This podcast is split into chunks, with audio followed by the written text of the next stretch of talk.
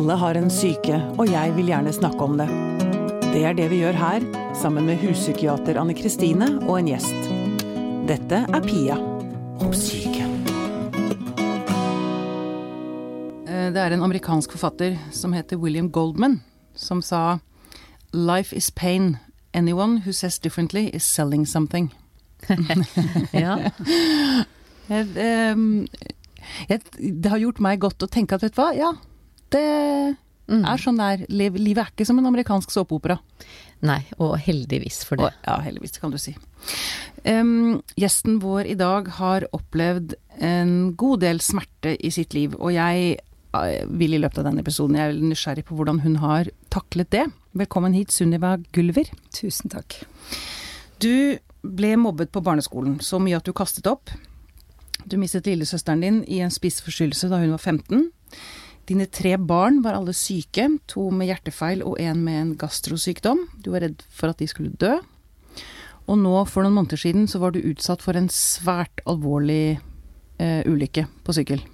Du, ble, du sa det i sted, eh, ble, hodet ditt ble kjørt over. Mm. Men her sitter du. Ja. Eller knele, i hvert fall. Kneler, ja. Jeg må si til lytterne våre at for første gang så har vi en gjest som kneler Ja. foran eh, mikrofonen. Det er passende at du er prest, da. Ja, men jeg må bare si at det er ryggen min, og ikke fordi jeg er så from. Ja, det er greit. Men du Sunniva, det, det er jo ikke sant, alt du har vært igjennom, og all den smerten du har opplevd nå, spesielt siste, de siste månedene med altså, jeg, Først må jeg spørre, hvordan har du det, rent sånn fysisk? Det er, det er et veldig sjelesørgerisk spørsmål. Er det det? eh, jo, jeg tenker at etter forholdene har jeg det veldig bra. Eh, det har vært eh, tøffe tak. Og det, dette har nok i noen uker i hvert fall vært den største krisen jeg har vært gjennom i livet mitt, fordi jeg rett og slett var redd for å dø fra alle jeg er glad i, og fra det livet jeg elsker. Eh, og jeg lurte på om hvis jeg overlever, hva våkner jeg på en måte opp til? Hva, hvor mye av meg er igjen? Men eh, nå har jeg det bra. Jeg er eh, nummen i fjeset og vondt i knust kjeve, og så har jeg et øye som er eh, lammet, så jeg ser liksom dobbelt og litt sånn kaleidoskopisk hele tida, sånn som du gjør i de der stjernekikkertene vi fikk da vi var små. Ja. Så verden er veldig forvirrende, og det er litt rart når jeg skjønner at andre ser jo ikke det jeg ser. Eh, og de ser ikke at jeg ser så ko-ko som jeg gjør. Nei. Så det har gitt meg en del interessante tanker om hvordan vi også i overført betydning har veldig vanskelig ofte for å se at folk ser ting annerledes enn oss. Ja. Ja, så det har jeg tenkt en del på. Men Ja. eh, bortsett fra det, så har jeg eh, aerobic og gjør kjedelige øvelser og går på noen forelesninger og hører mye på lydbok fordi jeg ikke kan lese og skrive så mye, og er flinkere til å hvile og legge meg tidlig enn det jeg var i mitt gamle liv. Og så håper jeg at jeg blir enda bedre enn det jeg er nå. Ja. Men du, altså alt dette du har da opplevd gjennom livet ditt. Her sitter du og er akkurat like engasjert, full av liv og varme, og så vidt jeg kan bedømme, også full av tillit til livet. Fortsatt. Hvordan gjør du det? Jeg har jo aller først behov for å si at jeg tenker at jeg har vært grunnleggende heldig. Eh, og at eh, det var en veldig alvorlig ulykke, så det var jo uheldig å bli kjørt over. Men når jeg først ble det, så sier jo også legene at eh, det er helt eh, fantastisk hvordan kroppen min har leget seg, Ja. og at jeg er der jeg er i dag. Og så tenker jeg at eh, det handler også så mye om Jeg er nok en, en alvorlig person med et lyst sinn. Jeg ler ikke så mye, men jeg er mye glad. Eh, og jeg kjenner så mange mennesker og har møtt så mange som prest som har liksom fått full pakke i livet. Livet er jo ikke rettferdig, det er jo blodig urettferdig.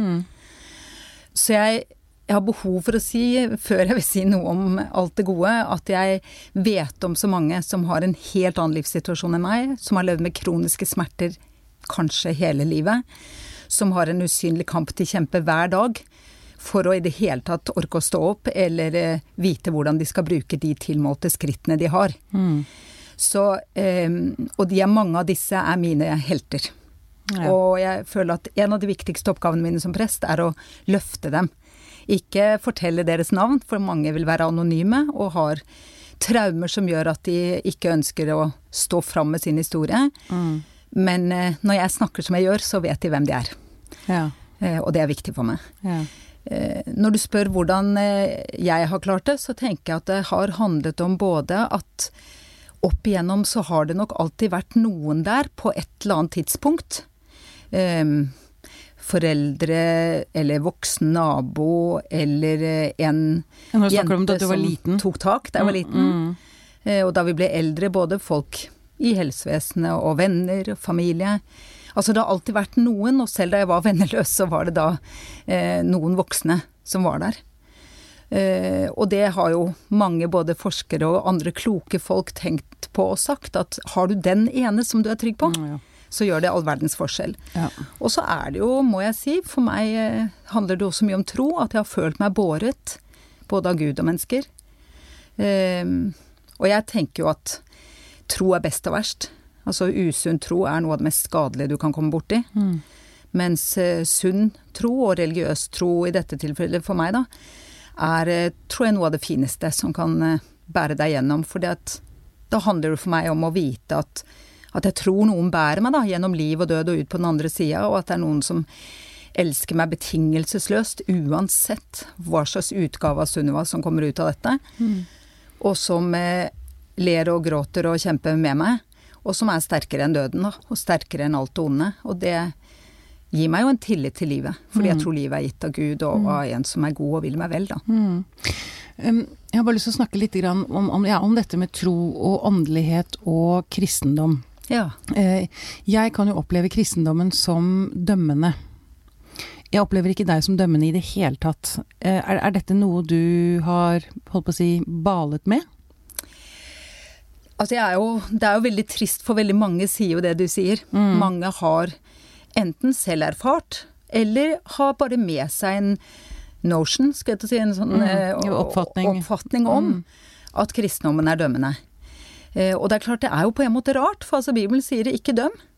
Eh, ta ut bjelken i ditt eget øye før du tar splinten Ja, de, i broren din sin. De sier jo og- også skal komme tilbake og dømme levende Ja. og døde. Ja, Men jeg har bare, bare lyst til å si det at, eh, at det er jo viktig å skille mellom måtte, kristendommen som en lære, kristendommen som en tro, og mennesker. Fordi at veldig mye av det som i hvert fall de jeg kjenner som opplever kristendommen som fordømmende, de har jo møtt mennesker som kanskje har formidla et eh, budskap som ikke nødvendigvis alltid er helt i tråd med måte, den Ikke kristne? For, ja. kristne lære. For religion kan jo også misbrukes som ethvert annet instrument, holdt jeg på å si. Definitivt. Av, det er av maktsyke enig mennesker.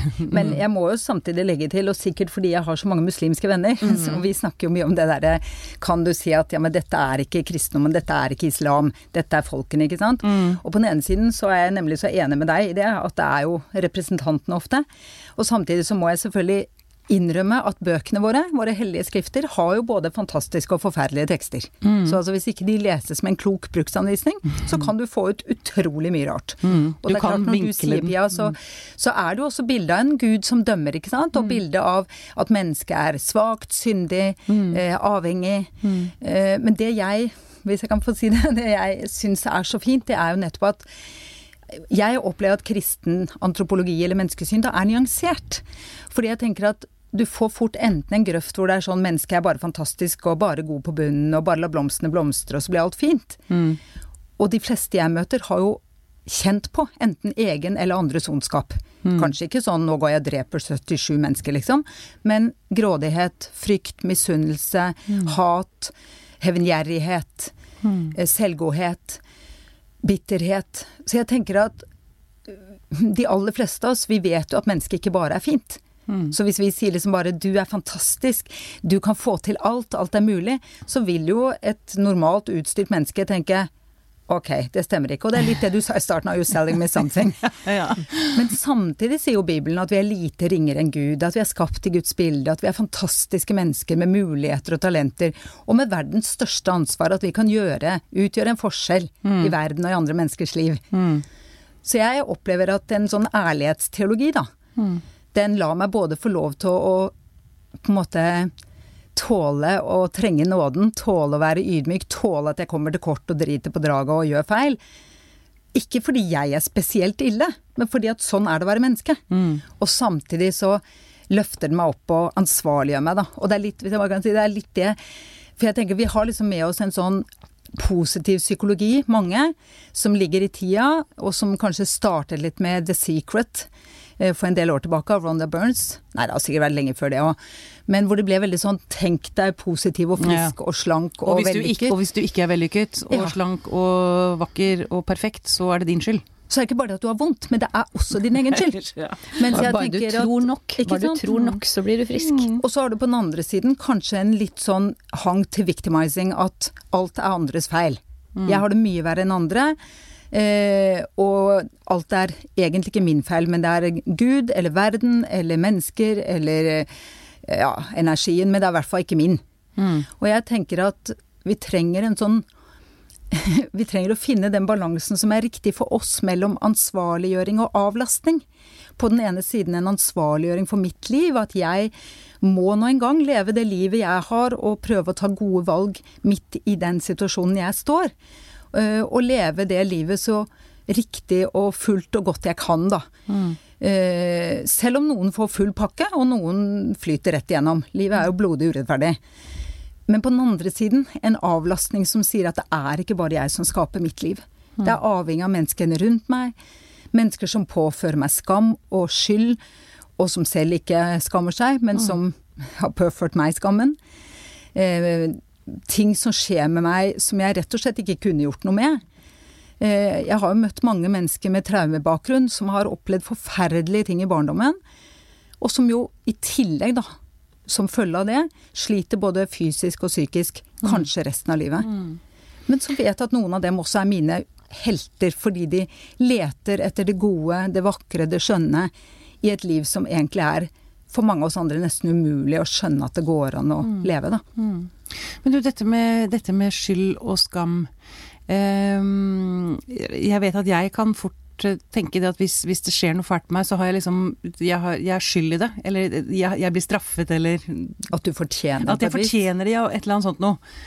Har du Hvordan har du, du Ulykken din, for eksempel, nå. Har du, har du slåss med lignende tanker, eller? Nei, jeg har ikke det, altså. Og jeg er nok heldig med det, men det og jeg gjorde det heller ikke. Jeg husker da Gunvor, søsteren min, døde. Jeg var ett år, yng- jeg var ett år eldre enn Gunvor. Og da var det mange kristne voksne som kom med veldig sånn enkle svar, for de skulle få det til å gå opp.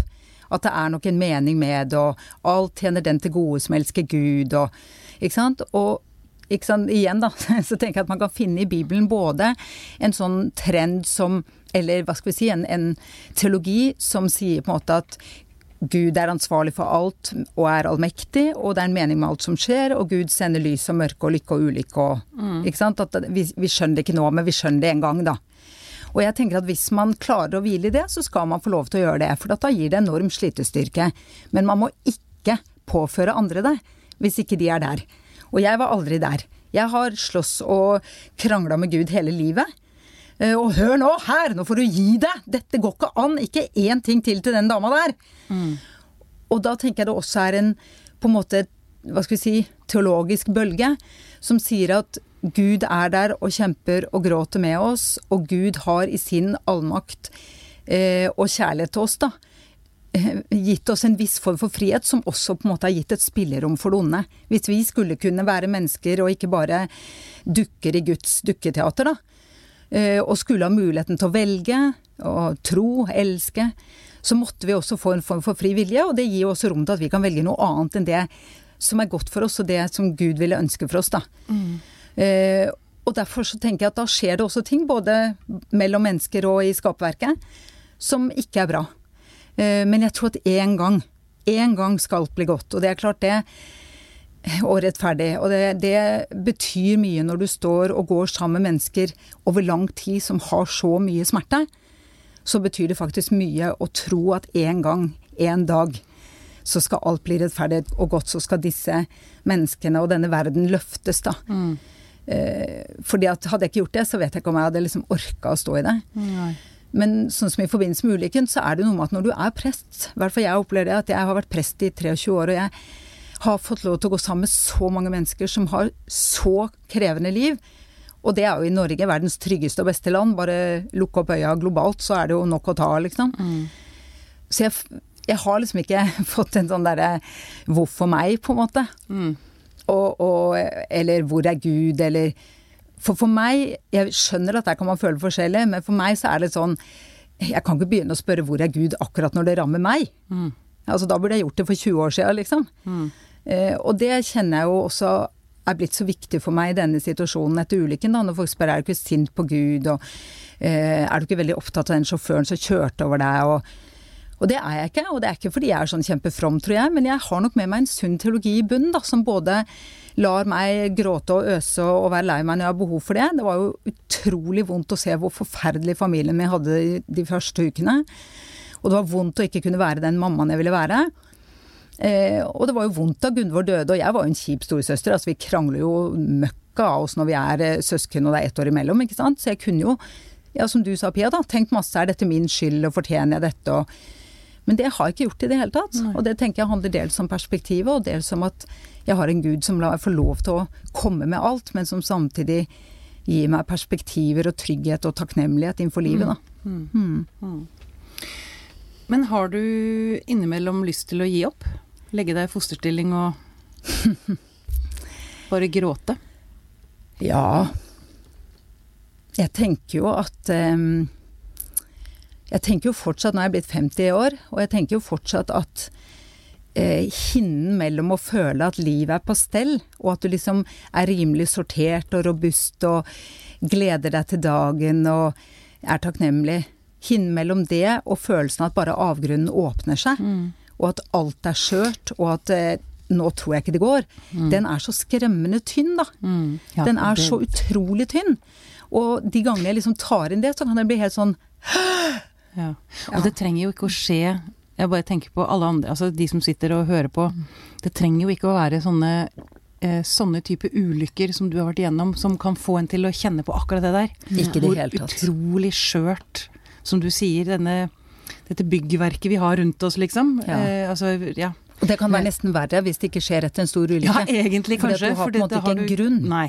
Men man kan allikevel føle på det, og ha lov til å føle på det. Ja, veldig. Mm. Jeg, ja, men jeg har lyst til å si det at vet du, det gjør ikke noe å krølle seg sammen i fosterstilling under et pledd i sofaen innimellom heller. Bare man ikke blir der. Bare man ikke blir der. Nei, ikke sant. Fordi at det, det tenker jeg at sånn som du sa i stad med den her positive psykologien om at det gjelder å ta seg sammen og ikke sant, i motbakken går det oppover og liksom det du ikke, som ikke dreper deg, gjør deg sterkere og alle disse her flosklene. Mm. Altså det, det er jo sånn at det er vondt å ha det vondt vondt, og det er slitsomt å ha det slitsomt, og det er lov å legge seg ned på sofaen i fosterstilling og gråte noe voldsomt. Mm. Det er til og med lov å synes litt synd på seg sjøl, det er lov å, å, å synes at livet er tøft. Mm. Men så handler det jo om hva man måte, gjør med det. Blir man der? Mm. Jeg har en veldig klok kollega som han sier at vi burde ikke spørre folk 'hvordan har du det', vi bør spørre 'hvordan tar du det'? Mm. Fordi at det er mye det det handler om. Mm. Vonde ting skjer, og så handler det mye om eh, hvordan vi tar det som skjer. Mm. Og da er det jo selvfølgelig sånn at noen har ikke noe særlig støtteapparat, ingen å støtte seg Nei, på. Det tenker jeg på da er det tøffere. Du snakket om i sted, Sunniva, mm. dette med å ha som barn å ha en voksen mm. som ser deg. Men det samme gjelder jo egentlig voksne. Det gjør det. Vet du, det gjelder veldig, og jeg må nok si at det som har overvelda meg aller mest i denne situasjonen disse siste fire månedene, det er jo venner. Det har vært livlina mi. Mm. Og jeg har eh, mange gode og dårlige egenskaper, som de fleste, men jeg tror en av de beste jeg har, det er at jeg som regel er veldig til stede der jeg er. Mm. Fysisk og mentalt. Eh, og at det gir meg en, et nærvær både i eget og andres liv, da. Men når du da har det så vondt at du kan ikke være til stede der du er, hva mm. gjør du da? Mm. Når du tenker at jeg, jeg kan verken med de fysiske smertene eller frykten og angsten for hva som kommer de nærmeste dagene og ukene, være til stede. Hva gjør du da? Mm. Og jeg følte det eneste stedet jeg da kunne være til stede Jeg klarte ikke å be engang. Jeg måtte bare si 'Gud, du får bære for dette'. Jeg klarer ikke å si noe. Men det var hos venner. Å mm. le og gråte i samtale med de, og bli bekrefta på at jeg fortsatt var den de kjente. Mm. Eh, og få god berøring, få fotmassasje, få lakka neglene, få en ny bh. Eh, og snakke om eh, Trump og Gud og klima og verden og at det var virkelig det som, som holdt meg oppe, da. Mm. Og det er jo ikke alle som har. Jeg har jo verdens beste nettverk, mm. og det vet jeg fordi jeg ikke har hatt det før. Mm. Men, men, det er mange som ikke har. Og det som er så brutalt, er jo at vi, vi orker jo ikke å være den ene vennen til noen. Ikke sant? Da skygger vi banen, for vi er redd for å bli spist. Mm. Men nettopp derfor så må vi jo løfte sammen. Vi må sørge for at, at ingen er venneløse, og at ingen er den ene vennen. For det klarer man nesten ikke å være. Men at vi sammen kan være venner for hverandre. Ikke bestevenner med alle, men nok til at man på en måte blir sett, da. For det, er jo, det går jo på helsa og livet løs om vi ikke blir sett. Li livet er en lagsport. Livet er en lagsport. Det er Danse bra. med flokken sin, som han derre Per Fugelli mm, Fugelli, det. ypperste Mm. presten vår, sier. Ikke sant. Du, eh, men, men du eh, har jo også vært en ganske annerledes prest. Mhm. Med rastafletter, og du har gitt fingeren, og du, du var den første kvinnelige presten som talte i en moské. Mm. Hva, hva, hvor kommer det fra?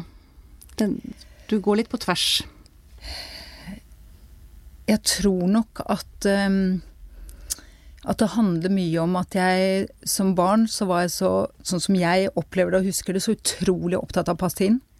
Jeg gråt fordi mor og far hadde kalt meg Sunniva og ikke Marianne eller Hege som noen andre het, for Sunniva var ikke noe vanlig navn da jeg vokste opp. Og selv om de fortalte meg om Sankt Sunniva og solgaven som det betyr, og at de hadde venta så lenge og sånn, så syntes ikke jeg det var noe stas, for jeg ville hete det alle andre het. Og jeg var den eneste som ikke hadde lodenkåpe og ispastøvler med syltestrikk og busnell og mie og hva vi nå hadde på Nordstrand på den tida. Så jeg ville så veldig gjerne passe inn og høre til, og jeg tror at når jeg først klarte gjennom bl.a. Hege, som var et vendepunkt, og flere som ble det opp igjennom, så ble det så viktig for meg å finne ut av at jeg kunne ta plass og være synlig som meg, da. Eh, og det sitter nok litt ennå, at jeg syns at det er fint å få lov til å være meg på en måte som er eh, bare meg. Og så handler det jo om at eh, skal du ha en eh, billig og vedlikeholdsfri stil, så er liksom dreads og fretex det aller beste. Jeg bruker liksom eh, to og en halv time én til to ganger i året på håret mitt. Ja, nettopp. Og det Selvfølgelig, noen er jo begavet med fantastiske lokker, men det er ikke jeg, da. Så hvis jeg ikke hadde hatt Fred, så hadde jeg sikkert brukt innmari mye tid og hatt veldig mange bad hair days. så det, men liksom, jeg tenker jo også når folk spør, jeg har blitt spurt opp igjennom liksom, er, er dette så innmari viktig for deg, liksom, den stilen din? Altså hadde det vært Jeg, jeg tok jo i starten ut f.eks. piercing og, og sånn når jeg skulle ha begravelse, hvis det var viktig for folk. Og for noen var det det, ikke sant. Og, og jeg tenkte at jeg må passe meg at ikke de bare ser hvordan jeg ser ut, og ikke hører hva jeg sier. Men for det første har jeg jo erfart etter hvert at folk flest de blir fort ferdig med det. Og sånn som gamle damer, som var de jeg kanskje fryktet mest da jeg begynte på Røa, i min første prestejobb, så lenge de hørte og så, og hørte godt hva jeg sa, jeg hadde så god diksjon, for jeg har sunget i kor, så var det jo drituinteressant hvordan jeg så ut. Så jeg møtte mine egne fordommer i døra. Men også fordi jeg tenker at jeg ønsker å formidle at kirka er mer mangfoldig enn man tror. For at vi ser jo ofte veldig like ut på utsiden. Og det er litt sånn, jeg kjenner nesten ingen Jeg kjenner vel ingen, kanskje? Ordentlig. Koreanere eller japanere eller vietnamesere eller eh, I det hele tatt, så jeg syns jo alle ser kliss like ut. Det er liksom en gruppe. Og sønnen min blir helt sjokkert, for han er veldig opptatt av manga og anime og sånn japansk Ja, okay. kultur, da. Så Som bare 'mamma, du kan ikke si det, de er jo kjempeforskjellige'. Mens jeg kjenner da sikkert 200 muslimer godt, så jeg blir jo like sjokkert når folk tror, eller later som de tror, at muslimer er én en enhetlig gruppe. Og sånn er det jo. Og sånn er det også med kristne. At hvis du ikke kjenner de, så tenker du kanskje at de er innmari like alle sammen. Og da tenker jeg at dreads og piercing og baggy bukser er med på at folk liksom tenker å, kanskje det er plass til litt mer enn det jeg trodde. Og når jeg da var inne i bispeprosess i vår i forhold til biskop i Oslo, så tenkte jeg at eh, noe av det som var viktig, var å nettopp være med og målbære og synliggjøre det mangfoldet jeg opplever kirken har, da. At det er et sjenerøst sted. Ja, Nettopp. Men dette med å, å tale i en moské, altså muslimer er viktig for deg. ja. Hvorfor det? Alle mennesker er for så vidt det, da. Jo, men- Men eh, det er jo blitt Men det, det er jo Jeg tenker at det er sterkt av en prest, da. Det er blitt en av, mine Altså jeg, jeg har jo engasjert meg i to saker som eh, bringer ofte fram det verste i folk, må jeg dessverre si. Nemlig eh, muslimer eller islam og, og mangfoldssamfunnet og klima. Og det er jo fordi det er viktig for meg. Det er jo ikke fordi jeg liker at folk blir sinte på meg. Mm. For du har fått en del hets. Ja, eh, ingenting i forhold til unge kvinnelige minoritetsrepresentanter f.eks., men, men jeg får en del folk som er sinte, og en del brev og meldinger og telefoner. Men, men eh, helt sånn til å leve med. Men jeg tenker at eh, det handler for meg veldig mye om at jeg har nære venner som har inspirert meg veldig. Jeg holder på å skrive en eh, kristenmuslimsk andagsbok sammen med Bushra, min gode venninne. Gjør du det? Så Ja. kult. Eh, og som handler om å bare målbære de ulike stemmene. Hva betyr det for oss to? Eh, både i vårt vennskap og i vårt, vår hverdag og tro. For jeg opplever at muslimer de får aldri snakket om sin hverdagstro. Og hvorfor dette er viktig og fint for dem. De får jo bare stå der og forsvare det de kan, da, og ta avstand fra det ene og det andre. Men Og så er det en stigmatisert gruppe. Og jeg tenker at kirka, vi har et ekstra ansvar. Jesus så alltid de som var utafor og utstøtt og hadde dårlig rykte og som ingen ville leke med. Eh, Han inkluderte de. Han tvangsminglet oss alle sammen. Og det tenker jeg at vi kan ikke velge det. Vi, er, vi skal prøve å leve sammen som et mangfoldig samfunn. Og bygge broer på kryss og tvers. Og min erfaring er at du blir ikke mindre tydelig. Du blir mer bevisst på hva som er viktig for deg, og så blir du mer bevisst på hva du kan på en måte strekke deg på. Hva som faktisk ikke er så farlig. Og det er kjempebra. Men jeg, jeg, jeg, jeg, når jeg hører deg, så tenker jeg at det er mye mot her. Det, nå ser jeg bort på Anne Kristine. Som om du trenger en bekreftelse på det. Nei, egentlig ikke, men jeg bare Nei, men det, det er Ja, det er fascinerende. Men du vet, man er ikke Jeg tenker at mot er jo å gjøre noe du er redd for å gjøre. Så Ja. hvis du ikke er redd, er du ikke modig. Og jeg er jo en pyse på mange ting, og jeg kan jo ikke se noe som helst, eh, verken vold eller thriller psykologisk. Altså jeg satt med øreklokker og så Derek da jeg var 15, liksom. Ja, okay. Og måtte eh, under piano på Colosseum da jeg var tatt med på en date på vei, veiviseren. Så eh, det er mye jeg ikke er spesielt modig på, men, eh, men det hjelper jo veldig, tror jeg, for oss når vi eh, når vi vet noe om hva som er viktig for oss. Og jeg tenker Du sa en gang da vi snakka sammen, Pia, dette om eh, tro som noe på en måte Ikke bare religiøs tro, men som noe sånn eh, Hva skal vi si Større som uansett kan være med å bære oss, da. Og jeg jeg har jo som et slags livsmotto eh, Piet Hein, en danske som lager mye sånn små grukk eller dikt, han har sagt at det, det fins en ro som kun beror på at man er tro mot det man tror på. Og han var jo ikke religiøs på en flekk, men dette handler jo for meg om religiøs tro. Men jeg tenker tro i vid forstand. At det handler om å finne ut av hva er det jeg tror på, hva er det jeg brenner for, hva er umistelig for meg, hva er det jeg bygger livet mitt på. Og så øve seg i å være tro mot det, da. Øve seg i å stå opp for det som jeg tenker er sant og godt og rett, eh, også når det koster. Og min erfaring, både for meg selv og gjennom andre mennesker jeg møter, er jo at de som gjør det, de klarer også mye bedre å håndtere de vanskelige tingene i livet. Da. Og vi pugget jo salmevers på skolen da jeg gikk på eh, Nordstrand barneskole. Irene Arntzen, hun eh, holdt oss i hjørnet. Og da Alltid freidig var en av de salmene vi kunne. Og der sier man jo i tredje verset at kjemp for alt hva du har kjært, dø om så det gjelder. Da er livet ei så svært, døden ikke heller. Og nå er jo det en litt vanskelig salme å synge når du har folk som kjører over andre og gjerne går over andres lik for å kjempe for saken sin. Men hvis vi legger bort det, så tenker jeg at det å finne ut av hva har jeg kjært, hva er viktig for meg, og så faktisk vite at du gjør alt du kan for det. Eh, det tror jeg er ganske viktig for å kunne møte både livet og døden på en god måte. Jeg vet, jeg det, ja. det, det, det der er akkurat det tro handler om. For meg. Ja. Det der å tro, vite hva man eh, Hva som er viktig, rett og slett. Forholde seg til det. Og styre etter det. Og så er det også et eh, aspekt av dette, det å være en del av en større sammenheng. At eh, altså det er jo bra for den psykiske helsa. Og det er, er med faktisk i definisjonen av det å ha et godt og sunt selv. Det er det å være en del av noe som er større enn en sjøl. Å Ja. finne sin plass i sammenhengen. Og jeg tenker at det å ha en tro kan for mange måter, for mange mennesker, være Altså være den biten av psyken. Altså det å, det å høre til sammen med andre, det å være en del av verden, en del av samfunnet, en del av skaperverket. Tror, tror vi dette er noe av problemet vi ser i Norge? Dette med at Det er jo et ganske individualistisk samfunn ja. vi lever i, i motsetning til en del, andre kulturer, andre land, hvor det, er, hvor det er mye mer virke for meg, i hvert fall mye mer sammensveisa. Mens i Norge så er vi Uh, ja, vi står ja, er- mye, mye ja, alene det veldig... eh, og, og skal hevde oss selv hele tiden. Og er og, noe og jeg ser det også sånn i måten man f.eks. møter eh, La oss si det kommer en jente fra en annen kultur som har en del utfordringer. Hun har mye ansvar hjemme Mm. og, ja, og har kanskje blir litt deprimert og lurer litt på å finne ut av livet sitt.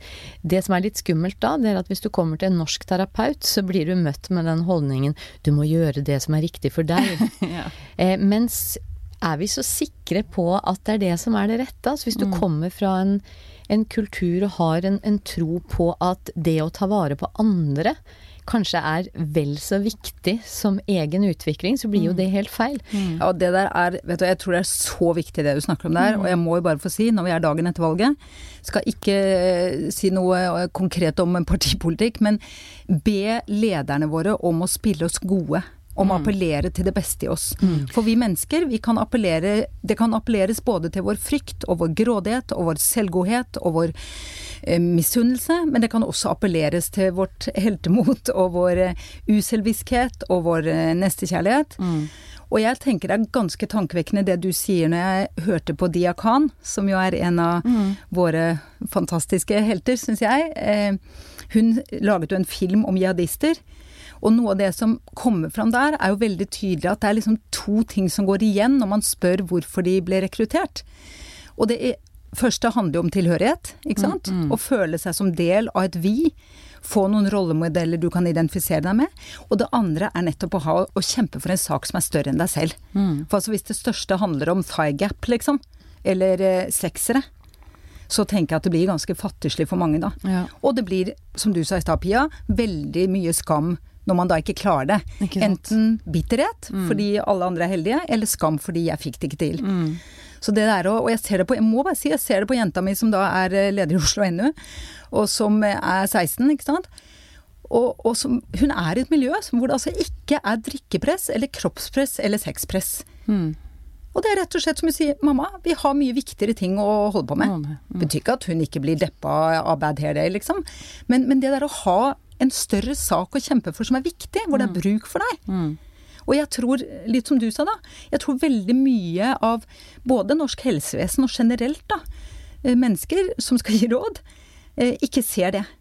Og, og at vi er, som du sa, Pia, oppflaska til å være vår egen lykkes med, da. Og da, hvis jeg kan få lov å si, så tror jeg også at det gjør det også vanskeligere å ta imot, for det er litt en sånn løgn eller myten om det autonome, selvstendige 'jeg er meg selv nok og min egen lykkes med'-mennesket. Og det tenker jeg det går fint, det, så lenge du er helt på toppen på alt. Eh, eller det er ikke sikkert det går fint da heller, men da er det litt lettere. Men for de aller fleste av oss så smeller jo livet. Før eller senere. Og jeg opplever for min del at noe av det viktigste i denne situasjonen, etter ulykken, har også vært å kunne ta imot. Ja, for det, Eh, det tenker jeg, som du, jeg tenkte på da du sa det, det å ta imot, det er vi heller ikke egentlig opplært til. Nei, ikke Vi det skal klare oss selv. Og jeg, jeg opplever at eh, det gjør jeg ganske godt, da. Eh, og jeg feiret jo 50 i januar, og så sa en venninne etterpå du, du fikk jo så mye fine taler og sanger, er det ikke vanskelig å ta imot? Nei, sa jeg. Og så tenkte jeg etterpå, hvorfor syns ikke jeg det? For det syns jo mange det er. Og så var det Torbjørn som sa når jeg var ute på Sunnaas, så sa han du er drita god til å ta imot Sunniva. Og så ringte han meg dagen etter for å si at jeg, jeg mente det ikke dårlig, liksom. Jeg håper du ikke ble lei deg. Og jeg hadde jo bare tatt det i beste mening. Men så tenkte jeg hvorfor det? Og ikke sant, det handler jo noe om at hvis du har blitt tvunget til å ta imot, hvis du har blitt tvunget til å alltid være underdog og be om andres nåde, så er det jo ikke godt å ta imot. Hvis ingen har sett eller anerkjent det du kan gi. Men hvis du får lov til å både gi og ta imot, hvis du blir tatt på alvor som et menneske som gjør begge deler, og du har tillit til at de som gir deg noe, de vil deg vel, så er det jo fantastisk. Og nå har jeg både fått praktisk og økonomisk og emosjonell og sosial og psykisk og medisinsk altså hjelp på alle mulige bauger og kanter. Og det er jo Det har vært utrolig fint. Men det, må, det er et dikt jeg leste Det sto i en bokhandel og bare slo opp en bok. Jeg er ikke så vant til sånt, men jeg sto og venta i en kø. Og det var en sånn diktbok av en som het Helle Søtrup, og hun skrev da 'Knelende blir allting større, også jeg selv'. Og det syns jeg var så fabelaktig linje, fordi min opplevelse er jo at mange enten har erfart eller tror at når du kneler for noe eller noen større enn deg selv, så er det det samme som å bli ydmyket, jekka ned. Mens da er det en usunn form.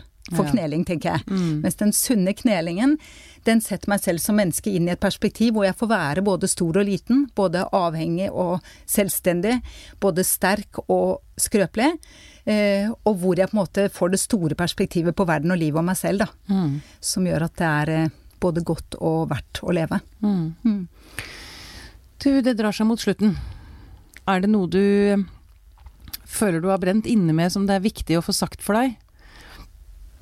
Her på tampen til uh, unge eller eldre, eller folk som har det vondt eller godt, eller? Ja, jeg tror kanskje at uh, uh, i tillegg til det å prøve å se hverandre, og prøve å formidle en ærlighetsteologi eller ideologi som gjør at vi snakker sant om livet og troen og hvordan ting er, så tenker jeg det handler om nettopp å kunne øve seg både på å ta imot og gi, og det vil si også å by på seg selv. Altså vi kan ikke sitte bak et gardin eller inne i et hjørne og bli kjempesint for at ingen ser oss. Nei. Eh, Og for noen koster det mye mer enn for andre. Og jeg Må var jo en ut. bitte, bitte liten redd eh, grå mus. Og jeg tenker du har jo vært et godt eksempel på det selv, Pia. Det der å tørre å stå fram, eller gå ut. Eh, og by på det vi har å by på. Mm. Eh, og så må vi selvfølgelig de første gangene vi gjør det, gjøre det selektivt. Altså velge oss mennesker som er verdt tilliten, og som Mm. klarer å ta imot og respondere på en god måte. For ellers så orker vi jo aldri å gjøre det igjen. Mm. Men når vi først begynner å gjøre det, så er min erfaring da, at det går an å øve. Det går an å øve fra å være en bitte liten, usynlig, redd sak, og til å faktisk ta den plassen som er din, og som ingen andre kan ta, og som du ikke tar istedenfor noen andre. Eh, og det kan bli veldig fint og viktig, både for deg og for de andre rundt deg. Veldig bra. Det er en fin tone å slutte på. Absolutt. Sunniva Gylver, tusen takk for at du kom til oss. Takk i like måte. Ha en god dag. Takk, det samme.